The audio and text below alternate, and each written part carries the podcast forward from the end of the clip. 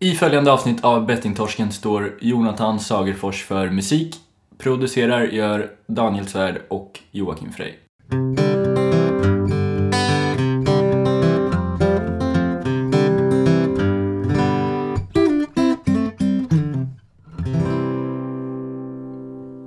Välkomna till Bettingtorsken nummer 28. Eh, välkommen Jocke. Innan du säger någonting så ska jag bara säga att eh, nu satte du, nu vände du på din keps innan här. Jag känner mig bad idag. Du hade liksom Bad, alltså. Bad boy. så, jag, så jag satt kepsen bak och fram. Jag är redo. bad boy. Hur är det med dig Daniel? Ja, jo då. Du kör alltid den vet. Hur är det med dig? Ah, ja. Är så- Ta lite tag innan du... Ja, Innan du... Jag tycker man ska fundera lite. Du vet, Ja. eh, det sitter ju... Eh, alltid när man frågar någon, då, då, då kommer det bara direkt. här, Bra! Folk tänker ju inte efter. Därför att folk vill inte besvära andra människor med att säga så här, vet du, är fan mår skit faktiskt. Jag sov ingenting i natt, jag har, har ångest, jag, jag går in i väggen. Sånt säger man ju inte. Nej. Så kanske man inte ska säga det, men du vet... eh, Men alltså, frågan är hur många som lyssnar på, på det personen svarar. Mm, nej, det gör man ju inte. Det är ju det, det, det, det, är ju det som är den stora frågan. Varför man säger bra, det är för att man tänker att personen är inte intresserad av att lyssna, vilket många inte är heller. Nej men precis. Det det är så, hur mår du? Och så, så, I huvudet så tänker folk så här när du ska svara. Tänker du? Och sen så när det är Den melodin spelas i deras huvud Ja, kanske. Ja. Ja, det, är är säkert någon som har den melodin. Var det den Benny Hill heter den melodin va? Jag vet inte, det är väl cirkusljud bara. Nej, det är inte Benny Hill. Ben Hill är något helt annat. Men ehm, det är ju väl ett sånt cirkusljud bara. det kanske är. Mm, Förknippat till en, till en cirkus. S- eh, vad tyckte du om det här limevattnet som jag hällde upp? Du har redan druckit upp hela. Fint. Jag svepte den faktiskt. Det är första vattnet jag, jag dricker idag. Mhm. Ehm, därför att jag har inte druckit vatten innan. Någonsin. Makes sense. Nej, ja, precis. Testa lite vatten. Ja. Eh, nej, det var gott. Tack ska du ha. Två limeskivor fick jag. Mm. Besök uh, Jocke Bergsjö får ni två limeskivor i glas. Fint ska det vara. Saturnusgatan. Ja, håll inte på nu. det är redan mycket skit där borta. Men dina, dörrar, dina ytterdörrar är ändå, alltså inte din utan den inne i huset är ändå alltid låsta. Det är ju Fort Knox att komma in här. Man får ju liksom eh, Den är faktiskt nästan alltid öppen. Det är väldigt nästan konstigt. alltid låst. Eh, varje gång du kommer är den det. En, två gånger Bara har för jag varit ner den innan här. du Ja. jag tror fan. Ja. Eh, vilket avsnitt sa vi att det var förresten? Det är nummer 28. 28. Yeah. Vad har vi? Vad, vad, Ja, ja, ja. eh, ja, ja. 28 ja. Det är bra. Jag fyller 28 nästa gång jag fyller år.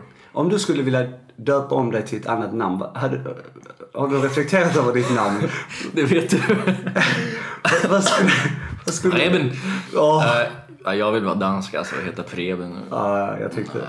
Preben är väl... eh, Alltså, jag har inte tänkt så mycket på det där. Jag antar att du har tänkt på det som du ställde frågan. Vad skulle du vilja heta? Daniel eller? Nej, men jag har ju så jättemånga namn. Daniel? Nej, fy fan. Eh, oj. Nej, alltså alla ni andra Daniel där ute, eh, jag gillar er. Men... eh, Vad skulle, menar du att du har många namn i ditt, typ som mellannamn och sånt? Eller vad menar du? alltså jag har eh, fem namn. Okej. Det känns ganska många. Mm, Alltså, och samt också det att i mitt pass så står ju inte mitt namn först. Alltså mitt förnamn. nej. Eller mitt tilltalsnamn, Joakim. Eh, Det står ju inte längst fram i passet som det gör för många andra. Så ni vet om jag ska resa så heter jag ju egentligen något annat. Ska du säga vad du heter eller ska det vara hemligt? Ja, det kan vara Det hemligt. står på nätet tror jag. Okej. Ja, men eh, jag har ju Bengt John Joakim Valdemar Frey. Oh. Många namn. Bengt John Joakim Valdemar. Ja, i den ordningen är det. Bengt John Joakim Valdemar. Just det. Jag har bara tre namn, eller fyra med efternamnet då, men Mm, då leder du där. Ja. Jag får lägga till ett. kanske det. Preben. Jag tänkte minska mina... Preben. Jag tänkte minska mina. eh, att kanske bara ha tre namn. Jag funderar på det. Nej, massa konstiga tankar man har ibland. Men jag ska nog inte byta ut mina namn helt. Varför tog du upp det? Det fattar jag inte. Jag, jag vet inte, jag tänkte på Preben faktiskt. Ja, okej. För att det är ett fint namn. Utfyllnad. Eh, jag kan säga, vi satt och- och snackade här om kvällen jag och min syster om, eh, det är ju fler barn på gång där, de har ju en dotter. Eh, Det kommer ju komma fler barn, eller ett till barn här till våren. Så att jag snackar lite namn. Eh, apropå namn, det är mycket namn nu. Nu är det mycket namn. Mm. Det är det. Det är nu inför jul, du vet, så börjar man väl tänka på namn kanske. Jag vet inte. Jag har ju ingen aning vad jag pratar om. Shit, vilket flummigt snack alltså. Ja. Ja, ska vi gå vidare? Ja, exakt. Vi var ju på en resa för ett tag sedan. Exakt. Du berätta lite om den. Minns du vart vi var någonstans? Jag minns mycket väl var vi var. Vi, eh, vi körde ju en, ehm, en, ehm, en resa till Stockholm. Mm, Eh, Bettingtorsken on tour, som vi brukar säga. just det. Och då körde vi ju nattbuss. Eh, Ja, vi åkte väl bussen, vi körde, eller körde du bussen? Ja, det kändes så, det kändes så ibland. Eh, för det var bara jag som var vaken. Ja, det var nog bara så. Mm. Eh, det var ju någon som satt och sparkade och nickade på mig som att... Eh, ja. Ja. Eh, Personen bredvid var nog i en fotbollsmatch. Mm. Ja, det var ju du. Ja, okej.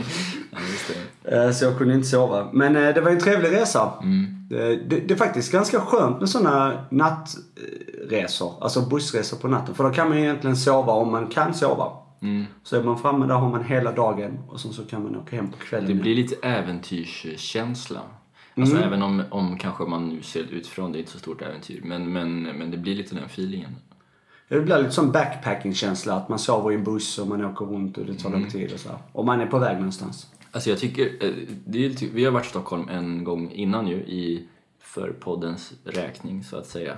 Och jag tycker vi har varit faktiskt sjukt effektiva när vi har varit där uppe. Vi liksom betar av mycket, vi hinner med mycket och eh, det måste ju, det måste ju vara så. Alltså vi väntar ju på att någon ska skänka typ en miljon till oss så vi kan göra lite... Jag var i den. Jag vet inte, jag måste kolla upp det. Men, men eh, det är i alla fall... De missat våra bankkonto. Uppgifter. Men, men innan det händer så, så får vi ju köra den ekonomiska budgetstilen. Men vad fan, det funkar också. Jag gillar verkligen där eh, hur vi gjorde den första resan. Det, det kan vi ändå prata lite om när vi Ja. åkte till Stockholm. Det var det verkligen så att vi använde dina s- intjänade hotellpoäng Poäng, ja. som du hade sparat ihop eh, eh, i åratal. Och sen så gick vi ner till Göte, där, Göteborgs central och så fick vi sån MTR-resa gratis. mm. Eh, Det är så man får göra helt enkelt ibland. ja precis. När man Och- inte har någon sponsor och så här. Men det har vi ju valt att inte ha också. Ja, det, det är faktiskt ganska medvetet. Men det var lite kul, det är faktiskt som du säger de där poängen. Jag hade, det, tog ju, det tog ett jävla tag att spara in dem där. Och strax innan vi åkte så var mina föräldrar på besök. Eh, och då tyckte jag att de skulle få ha det lite lyxigt så jag köpte ju ett rum till dem på Clarion här, eh, Post, med poängen också. Så det var så här, inom, inom en vecka så var det liksom nollat. Men ja, det är som det är. Men du lever ändå Jag lever ändå faktiskt. utan poäng. Eh, ja. Eh, ja, men resan i Stockholm, den var faktiskt eh, trevlig. Vi sprang runt där eh, som galningar och fick till en hel del intervjuer då. Eh, och eh, bland annat med Henrik som vi eh, ska ha med nu här som gäst. Henrik Nygren som är en före detta spelare och nu råddar spelberoendeföreningen i Stockholm. Ja, han gör det och med den äran får vi säga för att han är den just nu enda som är anställd i, på föreningen där. Kanslist är väl hans titel om jag inte missminner mig. Men han gör ju ett jävla bra jobb och ja. Ja, och framförallt om man kollar på hur många medlemmar de har i Stockholm så har de ju väldigt många medlemmar och har väldigt många, bes- eller inte besökare, utan väldigt många människor som kommer dit på deras möten. Och han är ju, jobbar själv med det. Så att, eh, ja, strångt att Ja. orka med det själv. Mm. Och han satt ju där och tog samtal också själv inne i, i det rummet. Och det, det är lite tufft när man får jobba själv. Det är det. Men han är en riktigt bra kille och det är han främst därför att eh, han eh, håller på Hammarby. Och, eller det har inte med saken att göra så, men de hade ju Nanne Bergstrand som tränare innan. Jag gillar honom ju. Det. Alltså det här är jättelångsökt. Allt detta. Nej, Men, men, ja. jag ska säga, för han fick sparken från Hammarby. Men då sa den här geniet Henke att jag gillade Nanne, de borde inte ha kickat honom. Där har vi en kille som kan sin fotboll alltså. Bra Henke. Sen spelar ju Kennedy där också. Han Eller gör han det fortfarande? Ja. Han är Han ju en sån riktig trotjänare. Mm, han ska spela en säsong till nästa år. Jag gillar hans eh, frisyr. Ja, han, Jag, jag, han vägrar jag- klippa sig. jag börjar få lika, likadan. Ja, Nu ska jag inte vara så hård mot dig själv, men eh, du har långt kvar till Kennedys nivå. Ja. Ja. Ska vi rulla in honom i gästen? Det ska vi verkligen göra. Ska du ta ansvar för det? Eh, det tycker jag du kan göra. Ska jag göra det? Här kommer han. Henke... Nej, förlåt. Henrik Nygren i Bettingtorsken.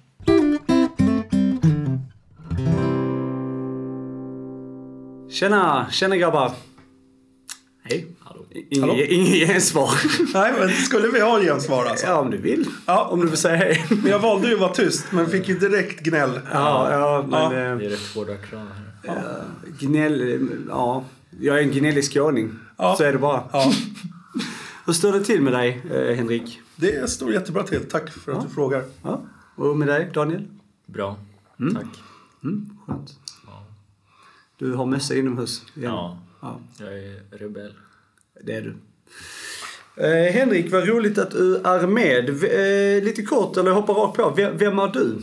Jag är som sagt Henrik, 43 år, jobbar som kanslist på Spelberoendes förening i Stockholm. Det är jag. Det är du. Vad, eh, lite grann om dig privat. Eller så här, vad, vad har du? Har du några specifika, förutom jobba då, intressen, hobby? Egentligen inte så mycket. Eh, skulle vilja säga att jag är konstnär i grunden. Men jag har inte riktigt fått arslet ur vagnen för att måla så mycket än så länge. Okej. Men det var ju någonting jag höll på med väldigt mycket innan jag började spela poker. Då, Okej. som blev mitt stora gift. Så eh, vad gillar jag? Ja, ja, jag gillar väl att umgås med familj och vänner. Med den tiden som blir över efter arbete och sådär. Så, ja. Du har ett armband där det står Hammarby. ja, det är ett fantastiskt fotbollslag. Ja, så du gillar det också? Ja, jag gillar att gå på Hammarby-matcher. Ja, det gör jag. Härligt. Hur är den eh, introsången? Just idag är jag Just det, den är fan Det är den bästa i Sverige. ja. Mång- Många Ja. säger att i, Ja. i Blåvitt snart, nu, vad heter det, Skiner Poseidon är bäst. Jag tycker den är överlägsen Ja. Kenta är grym. Ja. Den är bra. Vilken stämning det blir va? Raspiga whiskyrösten. Mm, just det då. Ja, den är fin. Kör hela. Precis. Det är bara jag som är bajare som håller tyst. Låter Kalmariten och Ja. eh, Malmöfanet sjunga istället. Ja, nej, den är... Men det här med målning, det var ju intressant. Eh, Nu, nu när du har slutat spela tänkte jag säga, då eh, har du ju tid över. Ja, ja men alltså, självklart. Men det där är en yrkesskada. Eller en yrkesskada är det inte, men det är ju en skada från mitt spelande. Som fortfarande ligger kvar i att jag har väldigt, jag har väldigt lite ro i kroppen. Så att jag, eh, jag måste tvinga mig till att måla. Och det är mer än vad det kom automatiskt tidigare. Och det är ju för att ja, men inget ger ju en sån tillfredsställelse, snabb tillfredsställelse som att spela liksom. Alltså, måleriet ger ju också en viss tillfredsställelse men det är ju mer på lång sikt liksom. Och jag har inte riktigt tålamodet för det och väljer oftast bort det. Liksom. Mot från något annat. Så det är ju definitivt något, en, en poker, gammal pokerskada då, ska vi säga det. Kallar det för det. Ja. Ja, och du är gammal spelare som vi har nämnt. Mm. Jajamensan. Det är eh, därför du är med här i podden. Där. Vad, du nämnde poker. Mm. Har det varit din huvudsakliga, mm, eh, ja, Ja. huvudsakliga spel? Liksom? började ju spela i, i, i ung ålder. Men absolut, min första kärlek, ska vi säga, var trav. Kom i 15-årsåldern. Sen bröt jag nacken 2001. Och låg hemma sjukskriven och satt i en sån här fastsurrad i en hal och väst och var inte särskilt mobil eller sugen på att visa mig ute. Och då sökte jag med andra vägar och då hittade jag poker på internet. Dock inte för pengar. Men det hade startats internetsidor där man kunde spela poker mot varandra. Ungefär som att man bara spelade, alla spelade gratis. Liksom. Men det sådde ju ett frö. Så när jag väl eh, sen tog mig ur sjukskrivningen och blev av med hal och och, hela den här biten. Och ja, eh, då tog jag ju kontakt med lite polare ett par år senare och ville dra igång pokerlirande i lagom, i lagom tid när pokerboomen kom då, 2005. Eh, och då började vi lira poker. Och sen gick det väldigt fort liksom. Från en seriös hobby till något som bara tog hundraprocentigt av sin vakna tid liksom. Men var det då live eller var det på internet? Vi gillade ju att spela live. Mm. Alla som deltog spelade inte på nätet. De flesta gjorde ju det också, även jag. Men det var alltid det live-pokern som var liksom det roliga. Tyckte jag i alla fall. Ja. Uh, och, men förutom då, så det är egentligen trav och poker som, som, har, mm. som har varit dina... dina jag har ju varit en sån här person som inte liksom har spelat allt på en gång. Utan jag har liksom fokuserat på ett spelmissbruk mm. i taget, så att säga. Mm. Och jag har heller inte liksom... Jag har alltid snöat in mig på saker. Jag har till exempel aldrig intresserat mig för maskiner och sånt för att jag har inte tyckt liksom att det är en... Jag har ju varit ute efter det här att man ska spöa varandra i poken. Liksom. Mm. Jag tycker ju tävlingsmomentet är roligt också. Mm. Utöver att liksom vinna pengar och hela den biten. Så Psykologin och så. Tävlingsmomentet och mm. hela envigen mellan två pokerspelare tycker jag fortfarande är liksom en intressant mm. match. Liksom. Spel, spelade du länge med, alltså för pengar innan det började bli ett problem eller blev det liksom problematiskt direkt? Så? Jag har nog alltid, det har nog alltid varit problematiskt. Alla, allt jag har spelat, att jag har alltid spelat för så mycket jag har kunnat. Och, och alltid levt på... Vi ser att jag har haft, alltid haft dåligt med pengar med, på slutet av månaden och behövt låna av till exempel morsan eller något. Mm. Men det kanske mer handlar om att jag är en eh, att jag är dålig med pengar överhuvudtaget. Mm. Det kanske inte är spelet alltid som har varit den stora skurken, utan mer än att, att jag är en oansvarig person runt pengar. Mm. Men definitivt, det gick ett tag innan det blev ett spelmissbruk, absolut. Mm. Absolut. Eh, eh, det gick flera år. Mm. Vad är den största konsekvenserna kring ditt spelande? Ja, men det är ju lögnandet måste väl vara. Det, liksom, det som skedde var ju att man började ljuga. Först för släkt och vänner och sen för alla och till slut inför andra pokerpolare för att dölja liksom hur på djupt vatten man var.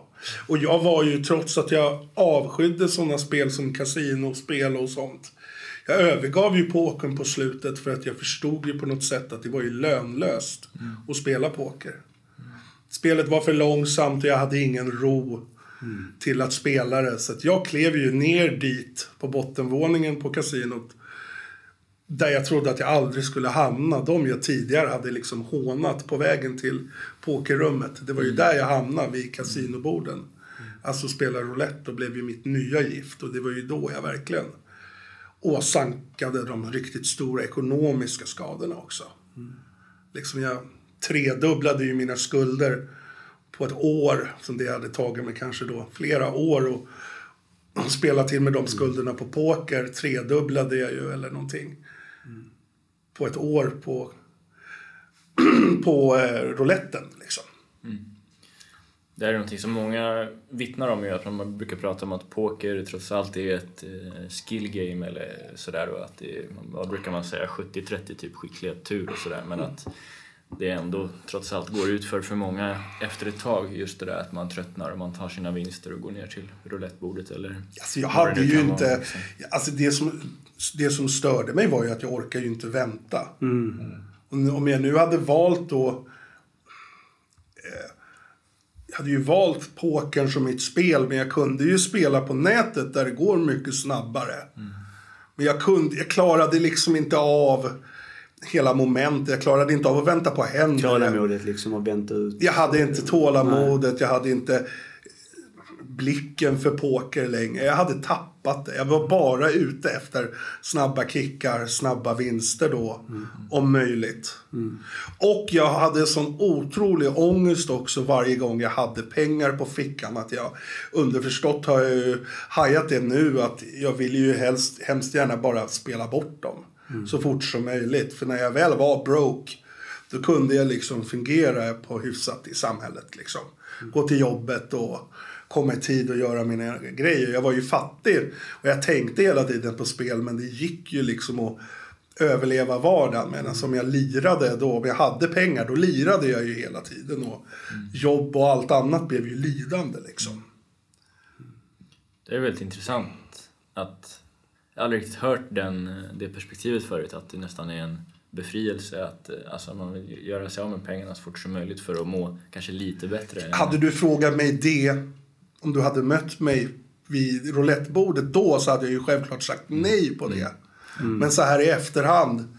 Det var ju en, en, en vidrig känsla att bli gul. Att gula lönen tio minuter efter den hade kommit in på kontot. Det var ju en fullkomligt vidrig känsla. Och det var vidrigt ända fram tills man liksom fick spela igen. Men man fungerade ju i samhället på något sätt. Liksom. Mm. Som man inte gjorde när man hade pengar på fickan. Som tur var så var jag ju så pass destruktiv i mitt spelande så det blev ju aldrig några utdragna sessioner och till slut kommer man ju, alla spelare ju kommer ju dit till slut när ingen kan eller vill eller vågar låna ut pengar till en. Mm. Och då tar det ju slut. Jag tog ju aldrig steget heller till att liksom försörja mitt spelande på att göra brott till exempel. Mm. Jag kom ju aldrig så långt. Så att, eh, eh, ja. Det tog ju slut spelandet och det hade det oundvikligen gjort. Mm. Eh, hur som helst. Ja, det är intressant det där. Just, eh, men hur, hur, känner du? Har du någon, direkt tanke på vad det var som gjorde, alltså har gjort att du har glidit in på spel förutom då intresset för pokern och du pratar om travet. Har du någon koppling till att det har varit en sån här van, alltså det har varit ett vane... Jag har nog alltid gillat Ja, men om du och jag hade spelat, om vi tre här hade satt ett Fia-bord här mm. och någon hade föreslagit att vi hade spel, att vi skulle lira ett Fia-spel. Då hade ju jag direkt varit den som hade frågat, ja men kan vi lägga en slant då? Mm. När vi ändå ska lira. Jag har liksom alltid, jag har alltid gillat det liksom. Mm. Krydda spänningen med en liten pengabett liksom. Mm. Och, Känner igen det där mycket. Ja, jag också. Och jag är liksom, jag, jag, jag har aldrig riktigt jag har funderat på den frågan du ställer. Mm. Varför liksom blev det... Det är bara kombinationen av en utvecklad tävlingsinstinkt. Jag är jävligt tjurskallig. Mm. Jag är också en sån person som inte kan eh, göra något lagom. Så om jag hittar ett intresse då går jag till biblioteket och lånar böcker och liksom gottar ner mig. Det finns mycket pokerlitteratur. Jag köpte varenda jävla bok. Läste, liksom studerade spelet. Eh, det här är ju i samband med också när jag, började, när jag började använda internet. Det fanns ju tillgång till så mycket info också, Youtube och allt det här. Så man, jag blev ju en student av spelet och var ju fullkomligt fullständigt förälskad i pokern. Mm. Och är det fortfarande på något plan liksom. Även om jag fattar att jag är liksom det off limits för mig nu. Liksom. Mm. Det är så intressant. Daniel, du satt och smilade lite innan och det gjorde jag också. Det är just att man känner igen sig så mycket i det du säger. Äh, att, äh, ja men alltså just det här, eh, man överdriver liksom i, i saker och ting kan man säga. Och när man har ett intresse så är det verkligen och det, det, är ju ett problem jag fortfarande har, ska jag mm. säga. Mm. Även om det inte är spelrelaterat. Liksom. Ja, men jag, jag tror att det, de flesta av oss kan känna igen sig i det där. Eh, i det där tänket och att man dels det att man inte kan göra saker på en lagom nivå mm. men också att man vill ha det här extra, alltså jag antar att du också känner igen dig om du bara spelar kubb på sommaren med någon och så säger någon att ja, men det är väl inget att hetsa upp sig för, det är, det är bara på skoj. Men det, det finns ju inte utan Nej. nu spelar vi och då är det vinst som gäller och ja. helst lite mm. pengar. Typ så här. Ja. Man är ju skadad på det sättet. Ja, eller om man märker att någon i kubblaget inte tar det han tar det bara på 62 seriöshet. Ja, ja, ja, jag, nu är jag den som första som bara brinner. Och säger jag tänker inte vara med om inte du skärper dig. Och så sänker oss liksom med dina jävla skitkast. Liksom. Ja, Lloyd-kast, man helvete. Ja. Eller mobilen, står och pratar, jag brinner av liksom när folk står och pratar. Jag spelar, jag spelar golf nu. Mm. Och så står någon och pratar med mobiltelefonen. Du vet, jag är redo bara liksom. Mm den där ska stängas av eller så stänger jag av dig. Liksom. Ja. Det, ja, men det är liksom, jag blir rosenrasande när jag ser sånt där. Jag tror inte vi ska ta fram det här Fia med knuff som du pratade om. Jag tror inte vi tre ska spela. Det kommer ju sluta med att två ja. åker ut genom fönstret. Ja. Ja. Ja, verkligen. Um... Ja. ja, men så är det faktiskt. Hur har du, hur, för du kom in till spelberoendeföreningen. Eller när insåg du att du hade ett problem? Det insåg jag nog väldigt tidigt tror jag. Mm. Redan under när jag spelade trav så, så, så förstod jag ju på något sätt att jag spelade Nej, men man satte upp gränser som man hela tiden bröt. Mm. Och de, de, var inte orimliga liksom. Jag var, fort, jag var inte orimlig i mitt spelande ekonomiskt, men mina beslut tullade jag på hela tiden. Så att jag hade ju redan ett, ett riskspelande i 15-årsåldern. Men jag hade ju inte så mycket ekonomi när jag var så gammal. Så att mm. eh, det skadade mig ju inte så mycket då. Men eh, Ja, vad var frågan? Ja, nej men, vad du, nej, men det var... Ja. Men just vad var det som... Eh, när du insåg det, vad, vad, vad, hände liksom? Till att du tog ett beslut? Ja, jag, hade aldrig, jag hade aldrig slutat själv. Så det kom ju utifrån. Alltså för mig, jag... Eh, det var en kompis till mig som... Jag har ju alltid spelat poker och, och mer eller mindre öppet. Alla i familjen har vetat om det. Där är Henkes intresse och hans liv. Det har jag aldrig hållit hemligt. Det har heller aldrig gått när man spelar live-poker och är borta liksom. Ja, spelar det 50 timmar i veckan, ja, det, blir, det blir svårt att förklara för folk om mm. de inte vet om det. Så nej, det har jag alla vetat om. Men jag har ju däremot varit jävligt duktig på att inte visa hur det går liksom. Mm. Men har du fått höra konkret från din omgivning att du kanske borde tänka lite och tagga ner liksom? Eller? Jag har varit jävligt duktig så det kom nog i samband med att jag slutade typ. Alltså jävligt nära att jag slutade som det började komma påtryckningar. Helst från folk som Flest, alltså från folk som jag hade lånat pengar av. Som var så här, men hörru du, du kanske inte ska låna några pengar om du inte kan pynta tillbaka dem liksom. Mm. Uh, men jag hade ju släppt in ett par kompisar som inte var i pokersvängen i, liksom i min vardag. Och de, en av dem, min bästa polare Dana, han skvallrade ju till min morsa. Han ringde ju min morsa och sa liksom, nej men nu, nu måste vi göra någonting åt det här. För jag tror att Henke liksom är ute på djupvatten när det gäller pokerspelandet. Och, och det bra, var ju sant. kompis. Ja, riktigt bra kompis. Mm. Eh, och det, då fattade ju min morsa mod att ringa min farsa som i sin tur googlade fram det här stället. Och morsan ringde då Kalle som var dåvarande kanslisten. Eh, och förde en, liksom en liten dialog med honom om hur de skulle göra. Och Kalle sa att han måste ju in hit. Eller ni måste in hit. Men då måste ni ställa honom mot väggen och liksom försöka få honom att erkänna. Och det var det de gjorde. De tog sig in i min lägenhet. De lånade nyckel av eh, bostadsrättsföreningen och tog sig in i min lägenhet. Och där satt jag apatisk. Och jag hade ingen mat, jag var helt bara utfattig och mm. kravbreven bara låg på hög liksom. Eh, de ställde mig mot väggen och jag förstod ju direkt att någon hade skvallrat. För de visste om grejer som de inte borde veta liksom. För det, har, liksom, det hade jag hållit hemligt. Så då fattade jag ju liksom typ att det måste vara Dana som har sagt mm. någonting. Så då, eh, jag försökte ju förneka liksom verkligheten ett tag. Men sen var det bara att kapitulera liksom. Blev du först då förbannad på den här Dana då? Eller var det, nej, förstod du nej, liksom att nej jag blev var... nog mest bara lättad över. När jag väl kom över pucken. Och det kanske handlade väl om en halvtimme, timme jag diskuterade med mamma där. Mm. Fram och tillbaka.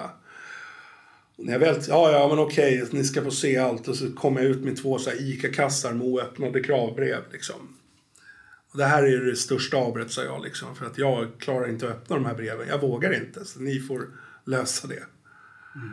Ja, det skulle de ju göra. Och, och, därefter var jag ju jävligt lättad, även över Danas eh, skvaller. Så tyckte jag det var, det var ju bästa som hade hänt mig. Mm.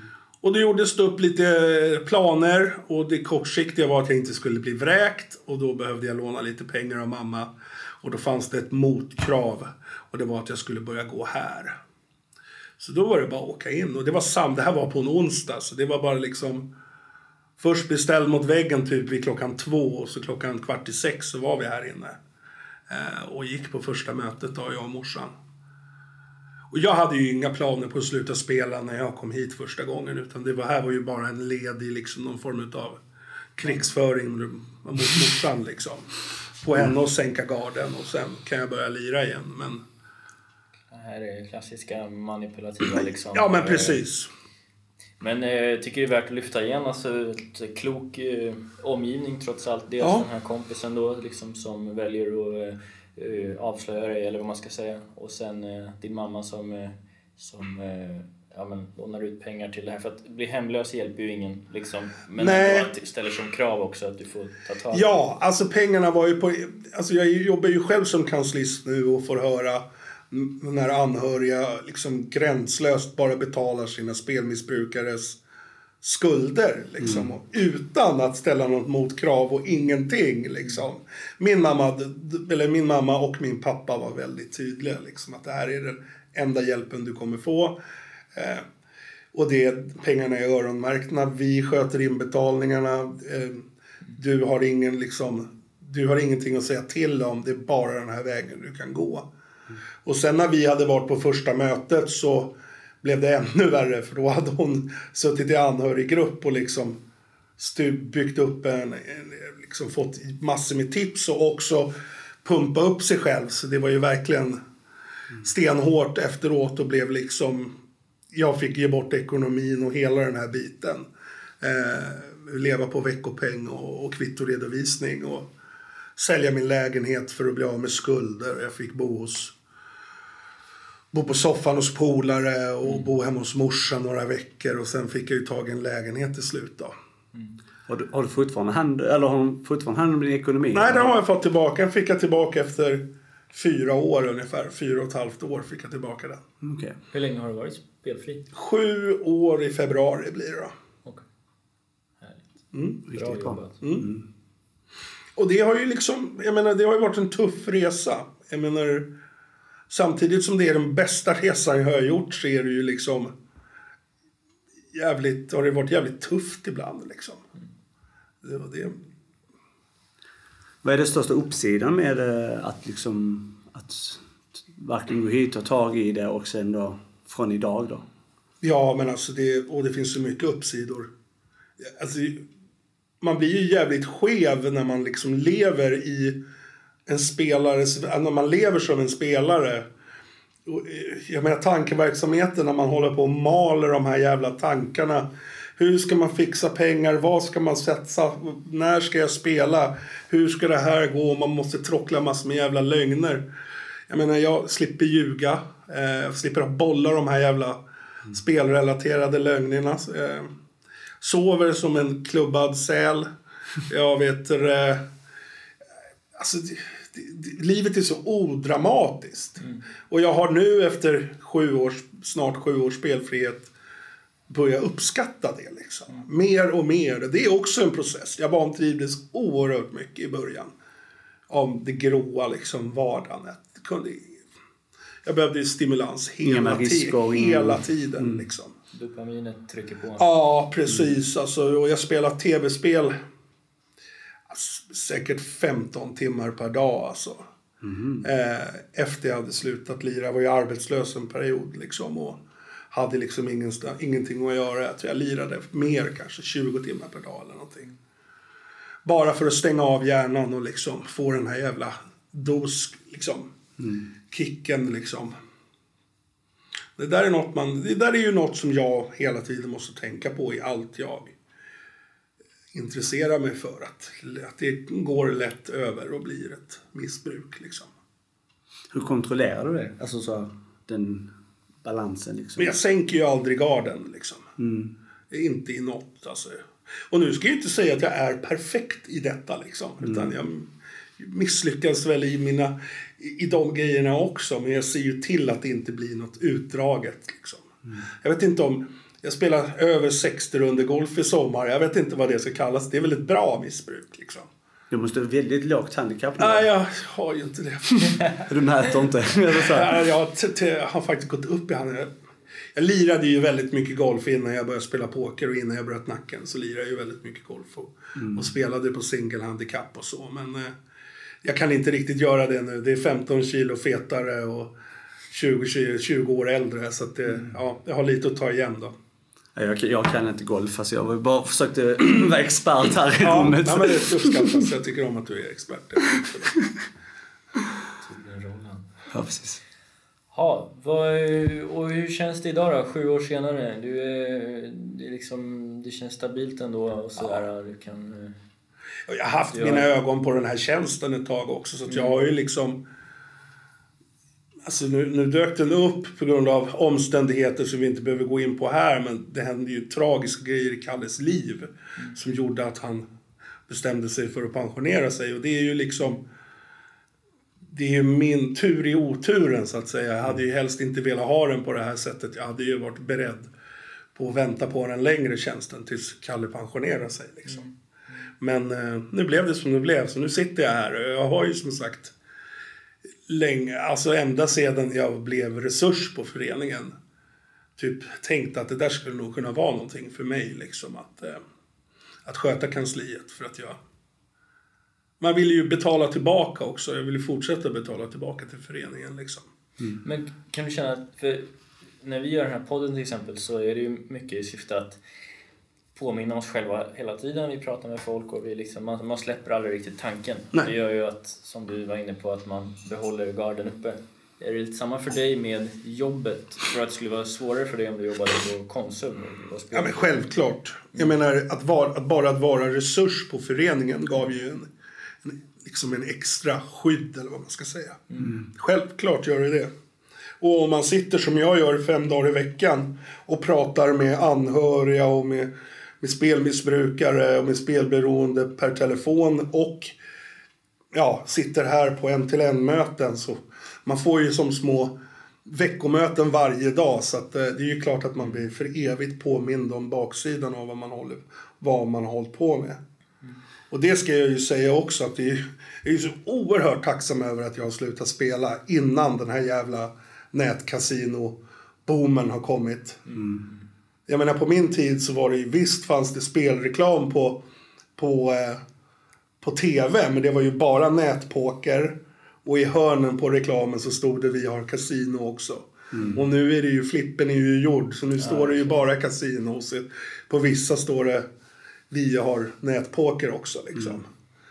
Och, och reklamen är ju sjukt aggressiv nu så att jag är ju oerhört tacksam över att jag inte slutar 2017 istället för 2011 liksom. Men eh, man kan komma i kontakt här med er eh, på föreningen då om man eh, bor i Stockholmsområdet? Jajamensan. Vi får ju även samtal ifrån från andra orter. Och man får skicka vidare till de andra föreningarna ibland. Det är ju så att det bor göteborgare och Kalmarbor i Stockholm och de, de ringer hit och sen vet de inte riktigt var de ska gå någonstans. Och Ibland flyttar de hem och så får de gå till Göteborgsföreningen eller... Vart är närmsta förening härifrån? Fick du svettas lite? Ja, ja det beror på då om Uppsala har startat upp igen då. Okej, ja, men det är Så då är ju Uppsala närmst. Mm. Och det är ju på G liksom. Det vet vi ju. Men eh. Frågan är om det blir under Riksförbundet eller om det blir i någon annan form. Jag vet inte riktigt. Men det är på onsdagar ni har här? eh, Onsdagar klockan 18. Vad är adressen året runt. Om... Skogsvaktargatan 11 i Hjorthagen. Yep. Här. Skogsvaktargatan 11. Ja. Det bara kan vara att de missade. Och repetera. Jag tycker det var tydligare. Så kommer någon skåning och bara... Ja, precis. Ja, men det är bara för att det kan finnas några skåningar här i Stockholm också. Som... Ja, som inte förstår stockholmska, rikssvenska. Ja, ja, det... Så kan det vara.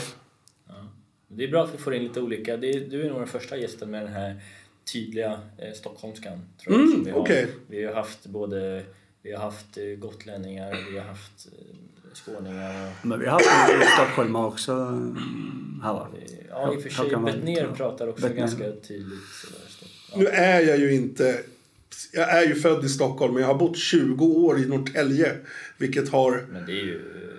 Ja, men det, de har en tydlig jävla dialekt alltså. Rospiggarna, alltså satan. Så att det är ju liksom... Jag har ju fått kämpa tillbaka till att låta som en stockholmare igen liksom. Ja,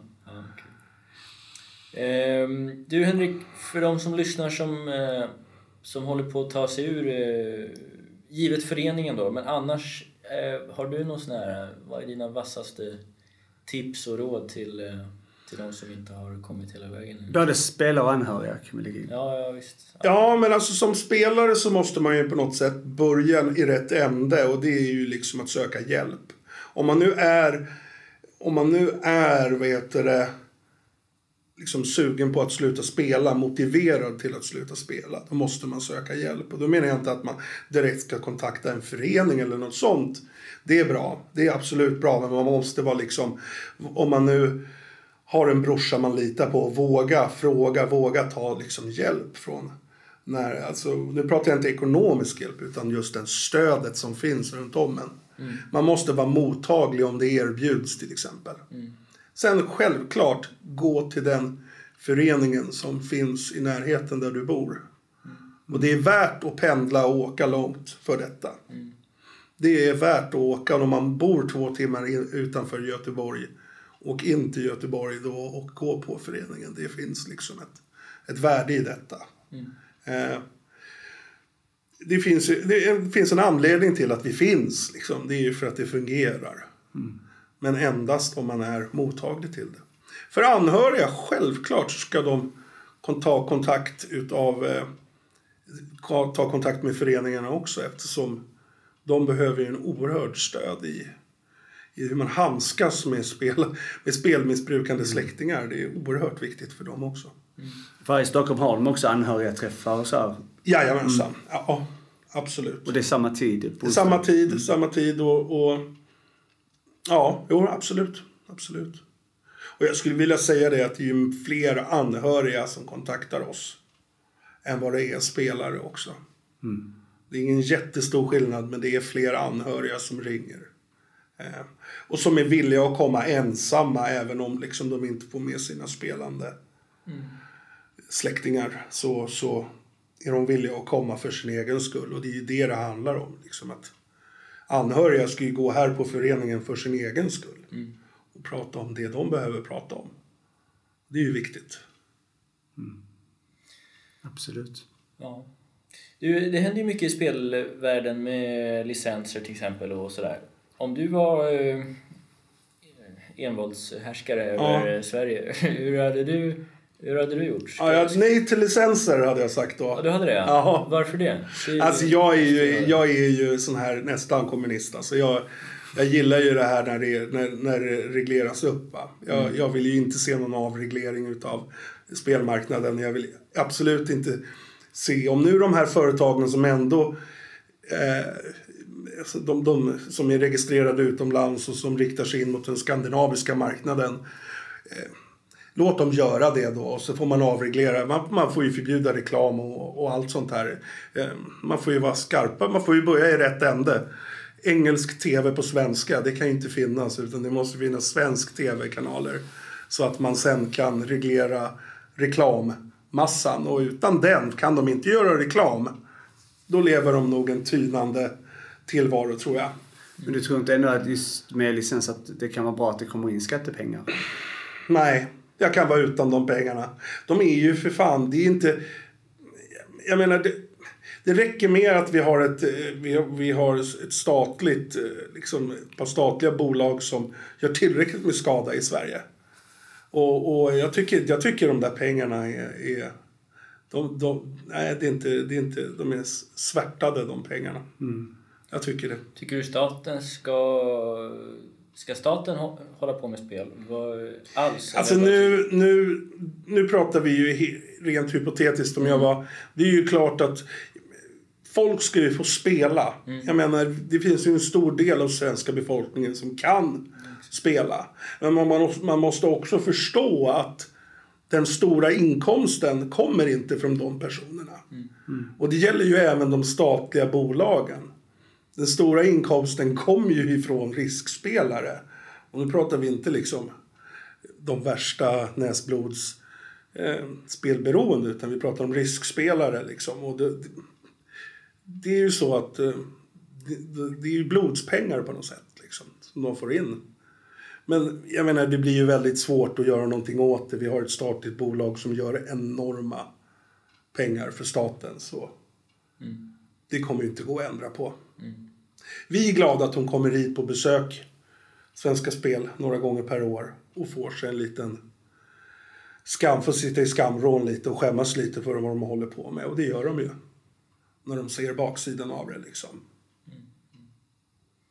Ja, det finns ju eh, många olika tankar om det där. Alltså, mm. jag, vi hade ju en gäst som, nu minns jag inte vem det var, men som sa, det var därför jag ställde frågan, som mm. sa så jag tycker inte att staten ska ägna sig åt spel alls. Den tanken tyckte jag var lite kittlande, men sen började jag tänka också att jag, för, för egen del, jag är uppväxt i föreningslivet, spelat fotboll och sånt där hela livet och jag vet ju att min, de lagen jag har varit i hade ju inte kunnat existera Nej. utan typ Bingolotto och annat liksom. Att de gör ju sådana saker också som är väldigt positivt. Ja, och jag vill inte sitta bara för att jag inte grejer att spela. Nej. Vill inte sitta och döma folk som faktiskt grejar det. Mm. Jag menar, det får man ju acceptera och jag, jag går heller inte och är sur på, mm. på Svenska Spel eller på några andra aktörer bara för att de har erbjudit mig spel. Det är ju, det är ju, det är ju jag som inte kan mm. greja det. Det är ju mitt problem liksom. Mm. Men samtidigt, samtidigt, jag menar verkligheten ser ut som den gör nu och vi ser ju en ökning i medlemsantal på föreningen. En stor ökning i antal deltagare på mötena och det har ju skett väldigt snabbt. Mm. Då får man ju fråga sig var kommer det ifrån? Varför har det ökat nu när det har legat på en viss nivå och en gradvis ökning och sen helt plötsligt nu senaste året så skjuter det höjden. Vad är det som gör det? Och jag tror ju det är nätkasinot och alla dessa reklamer som, som, som finns på, på, på tv som gör det. Liksom. Ja, just lättillgängligheten och att det är snabba ja. spel och snabba kickar. Och, och du blir snabbt beroende av snabbt det. Liksom. Och, ja. Jag, jag tror ju ändå att det tog ett tag för mig, även fast jag är osäker på detta, från att vara en, liksom en riskspelare till att vara full blown out spelberoende så tog det ändå ett tag liksom. Mm. Innan jag var verkligen där liksom. Men det, när man hör historier idag från de som kommer, särskilt de som har den här nätkasino. Det kan ju handla om ett halvår liksom. Mm. Jag spelade mitt första spel för ett halvår sedan. Och nu spelar jag för x antal månadslöner liksom. Mm. Och det är så här, oj vilken resa liksom. Och det är ju återigen också en, alltså ett missbruk definieras ju av ett beteende och inte av liksom mm. hur mycket eller hur lite man spelar bort egentligen. Utan pengar är ju bara ammunition. Eh, det är ju beteendet som där skon klämmer. Att det... Ja, för du måste ju sett väldigt mycket liksom från det att du kom hit från början tills idag. Ja. Vilka eh, personer som är här och ålders, eh, alltså skillnaderna där. För det mm. borde vara för när du var här var det många äldre kan jag tänka mig, eller? Nej, mm, Nej jag kom ju när nätpokern var väldigt, väldigt populär. Okay. Mm. Och jag är ju själv, kommer ur den världen. Så det var ju väldigt mycket 30-åriga män. Mm. Runt där 25 till 35 år. Och män. Och sen fanns det ju då fortfarande något som är förtvinande få nu och det är ju travgubbar. Mm. Där har vi gubbarna, Nej, de som är lite äldre liksom. De som springer sista 40 och vevar in hästen. ja men precis, ja. ja. precis. Om de inte har rullator eller liksom. Mm. Så det blir inte så jävla mycket springande. Men visst, travgubbarna. De, de ser vi inte mycket av. Mm.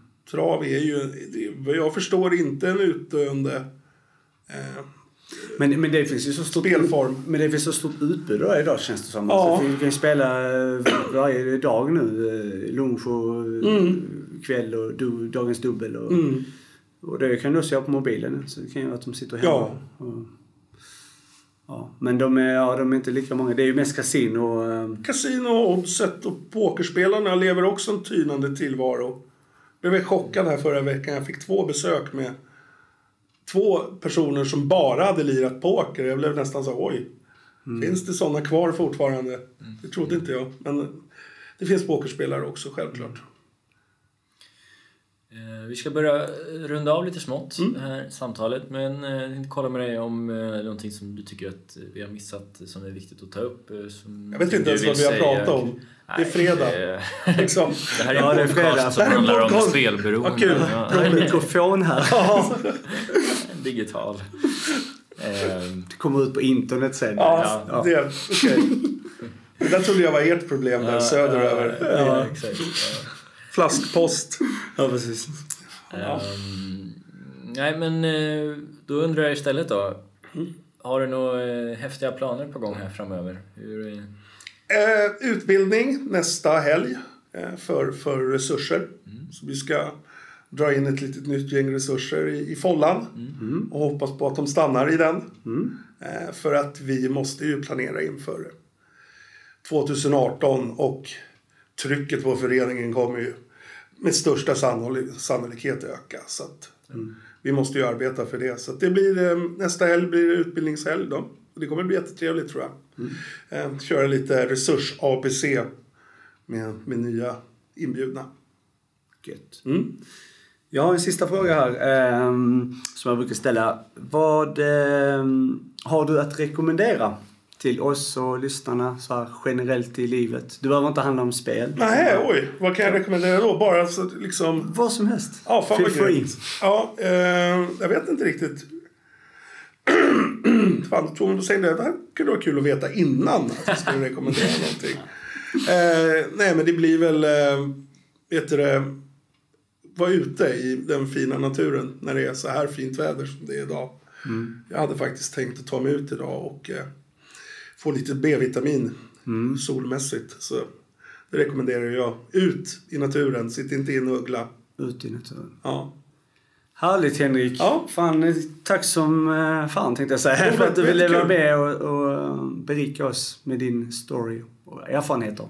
tack så jättemycket. ja, tackar själv. Jättekul.